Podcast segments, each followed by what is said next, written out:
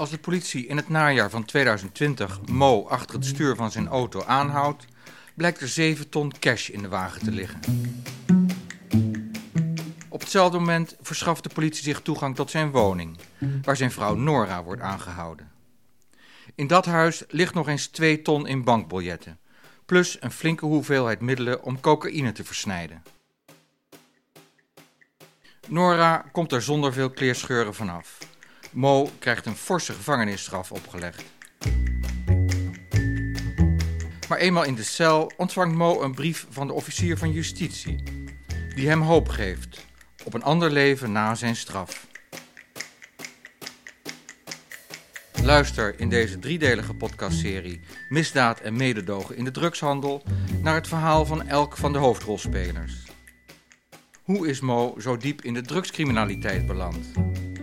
Hoe heeft Nora de inval in haar huis ervaren? En waarom heeft ze nooit vermoed dat haar man op het verkeerde pad was beland? En hoe komt het dat de officier van justitie, Bart Nietrouw, zich ervoor inspant dat Mo na zijn straf zijn leven weer op de rit krijgt? Dit is het verhaal van Nora. Er knaagt wat.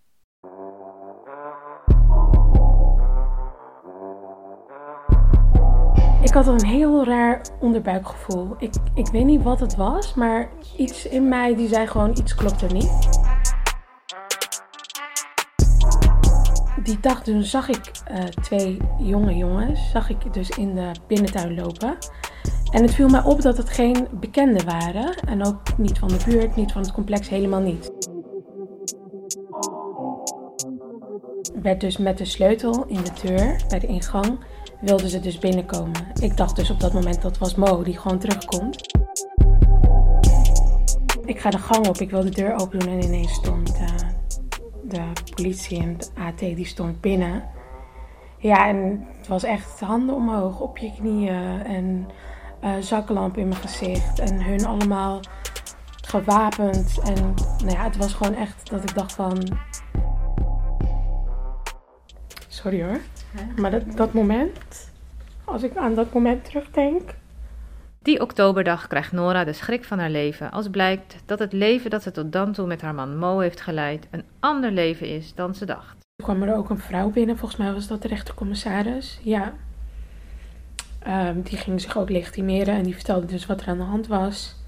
En uh, ja, jij woont hier samen met Mo. En Mo is net aangehouden op de snelweg, bla bla bla. Die vertelde dus in het kort wat er allemaal was gebeurd. Nora wordt aangehouden. Die meneer die zei allemaal dingen dat ik dacht van, hè? Ja, u bent gearresteerd en uh, verdenking van drugshandel, wapen, Oh ja, dit vroeg je ook nog. Is er een wapen hier of ja, gevaarlijke voorwerpen? Ik zeg nee. En ik word in een politieauto gedrukt en uh, ik word in een celletje gegooid. Bij ons in de wijk. En toen dacht ik: oké, okay, van dat naar hier.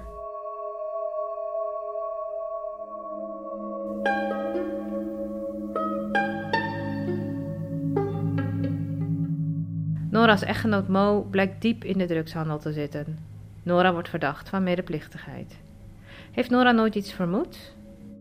Ja, het ging wel eens door me heen, maar ja, ik zette het heel snel van me af heel snel zet ik het van me af. Omdat ik zoiets van nee, nee, ik wil dat gewoon niet geloven. Ken je dat? Ik, nee, dat wil ik gewoon niet.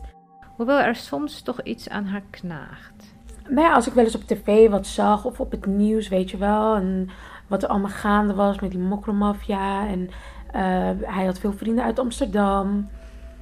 En soms dacht ik wel van, oh my god, stel je voor. Weet, ik had, dat had ik wel altijd, stel je voor.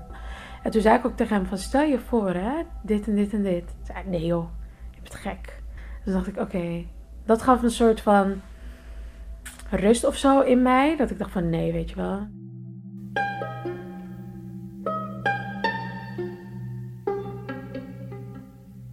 Mo runde met een ander een eigen zaak. Daarom was hij vaak s'avonds weg. Ik dacht, nou ja, hij is gewoon hartstikke druk met dat. Dit gaat gewoon goed. Maar van de politie hoort Nora een ander verhaal, zoals over de auto waarmee Mo een dag eerder op de snelweg is aangehouden. De auto waarin hij reed en werd aangehouden was voor mij niet bekend. Ik zei nee, dat kan niet, dat is hij niet. Ja, jawel. Want wij hebben zijn sleutel. Zijn sleutel, daarmee zijn ze dus binnengekomen. Ja. Ja. Dus toen dacht ik echt van oké, dit klopt. Ik kreeg hem daarna ook niet meer te pakken. Hij was niet zo. Hij nam altijd op, hij reageerde op mijn appjes. In de politiecel raakt Nora buiten zinnen. De eerste dag was ik echt razend. Ik dacht echt van hoe, hoe dan? Maar ja, en daarna, als je dan meer dingen ziet en meer dingen hoort, dan denk je van ja, weet je, heeft het nu wel zin om boos te zijn? Want wat hoort ze vooral? Ja, in onze woning, in onze berging, was er dus drugs aangetroffen. Een gigantische hoeveelheid. Ja. Voordat hij dus die dingen daar had gestald, had hij mijn spullen daar weggehaald.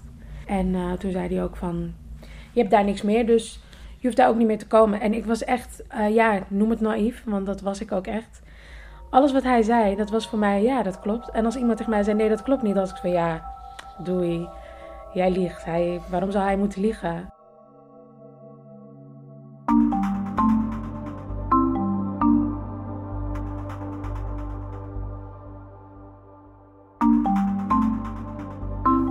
Nora's aanklacht?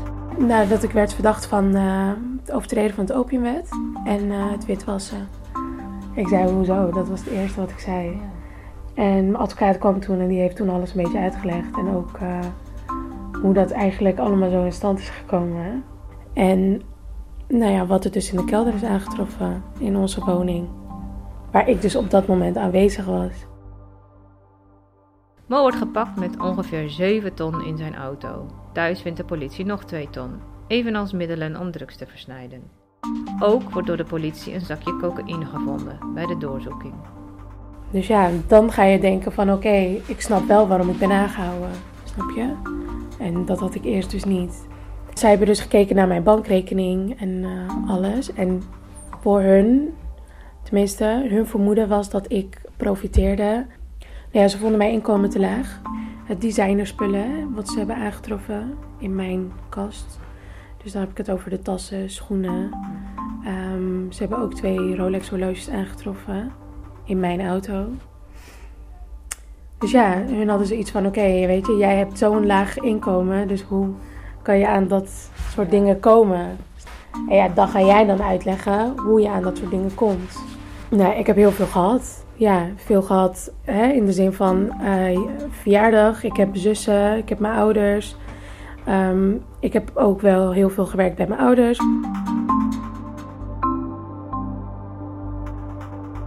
Maar Mo bulkt toch van het geld. Hij zegt in zijn toptijd 20.000 euro per maand te verdienen. Hij zwaaide niet met het geld op tafel van hé, hey, ik kreeg gewoon een cadeautje op mijn verjaardag en that's it. Desondanks probeert de politie de spullen met het geld van Mo te linken. Tot ik uh, het ook kon uitleggen. En ik denk dat ik ook daarom zoveel uh, verhoren heb gehad. Ik heb echt het meeste gehad van allemaal. Want ik weet niet of je het weet, mijn zwager zat ook in de zaak. Eh, dat was gewoon puur op het feit dat hij uh, het moment dat ze bij mij kwamen invallen net de deur uitliep. Tegen Nora wordt twee jaar onvoorwaardelijk geëist. Maar de uitspraak valt mee. Nou ja, het, het uitspraak was dus hè, de 3,5 maand die ik dus heb gezeten.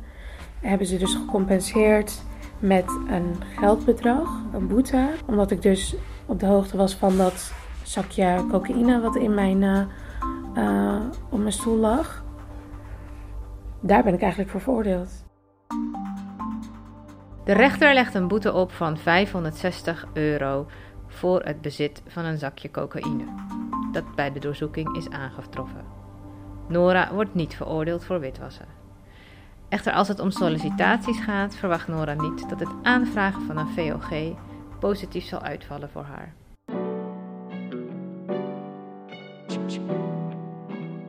Hoe was het in detentie? Wat zei ze tegen de andere vrouwen daar? Niks. Ik heb niks gedaan. Dat is wat ik zei. En hun ook letterlijk zo lachen. Want het waren meiden die natuurlijk wel wat langer vast zaten. En niet om iets of zo, maar het waren ook hele andere, um, ja, hele andere soort type vrouwen als ik. Dus hun hadden echt zoiets van, huh, wat doe jij hier? Voor wat zit je? En ik zei ja, ik heb niks gedaan. En uh, ja, ik zit uh, met mijn uh, man zit ik vast. En oh ja, en hun gingen echt lachen. Ja, je zit hier niet voor niks. Weet je wel. Je moet wel echt sterk in je schoenen staan hoor, daar. ik werd ook een soort van wat harder of zo. En voor mezelf wat, wat sterker. En ik kreeg een soort kracht dat ik dacht van ja, weet je, ik zit in de gevangenis. Dit is gewoon een harde, een harde tijd. Ik moet het gewoon accepteren.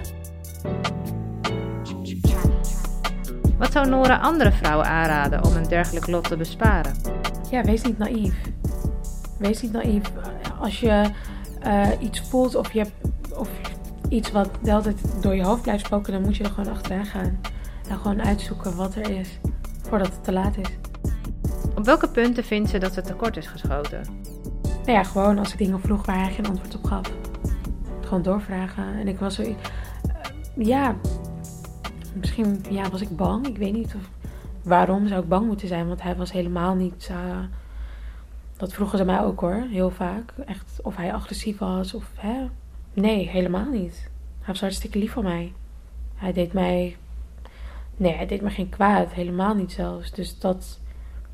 Daarom dacht ik misschien ook. Daarom was ik misschien ook zo naïef. Dat ik dacht van oké, okay, zal wel niet.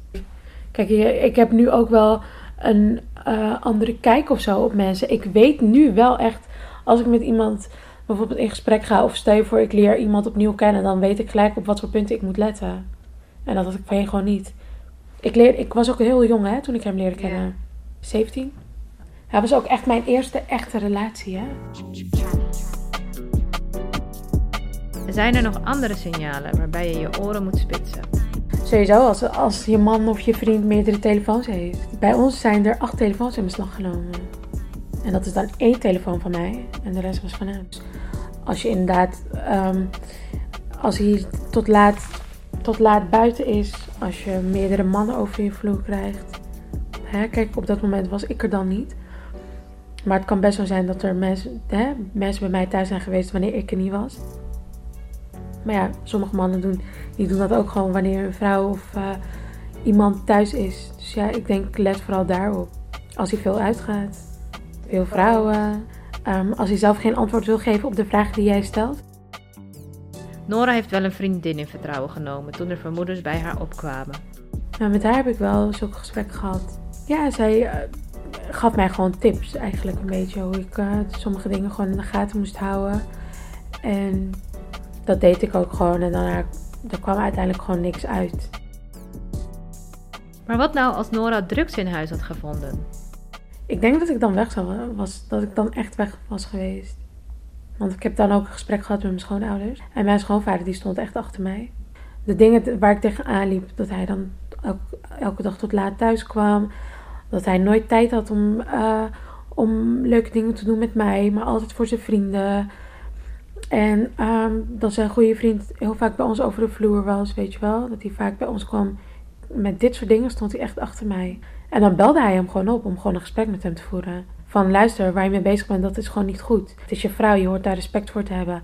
Hij stond echt achter vrouwenrecht. Gewoon, dat moet je niet accepteren. Nee, gewoon zo doen, zo doen. En dan zei hij ook, als er iets gebeurt wat jou niet bevalt, dan moet je mij gewoon bellen. Dan kom ik, er, kom ik gewoon naar jullie toe en dan... Uh, wat had Nora gedaan als ze alles zou hebben ontdekt? Als ik dat allemaal had gezien en geweten wat hij allemaal had gedaan, dan denk ik dat ik wel echt weg was geweest. En wat voor instantie ik dan zou benaderen, ik denk geen. Nee, ik denk geen. Ik zou dat niet doen. Nee, ik zou dat echt voor mezelf houden en dan. Ja, ik denk met zijn ouders bespreken, nogmaals. En dan. Uh, ja, echt ik met denk, eigen kring, hè? Ja, met eigen kring. Want zijn vader had heel veel invloed op hem.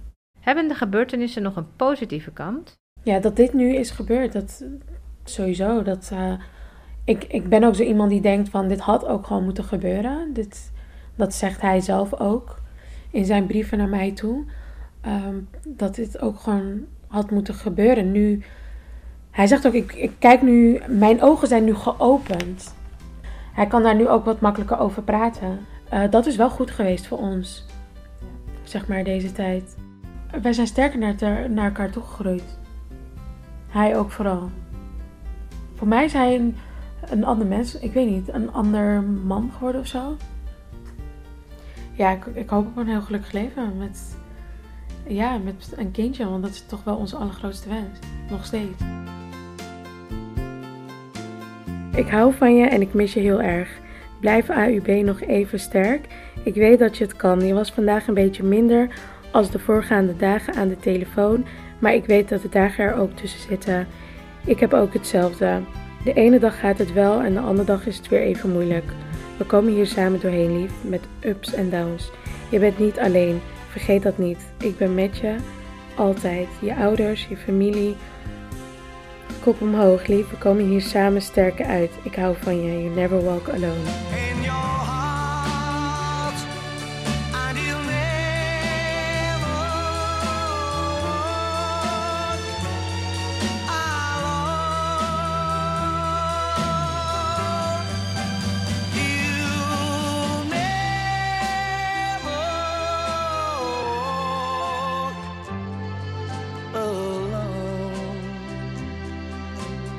Ben je benieuwd naar het verhaal van Bart Nietrouw, de officier van justitie? Luister dan naar deel 3 van Misdaad en mededogen in de drugshandel. Deze podcastserie is gemaakt door Shaila Ajimbaks, criminoloog bij ESSA Research.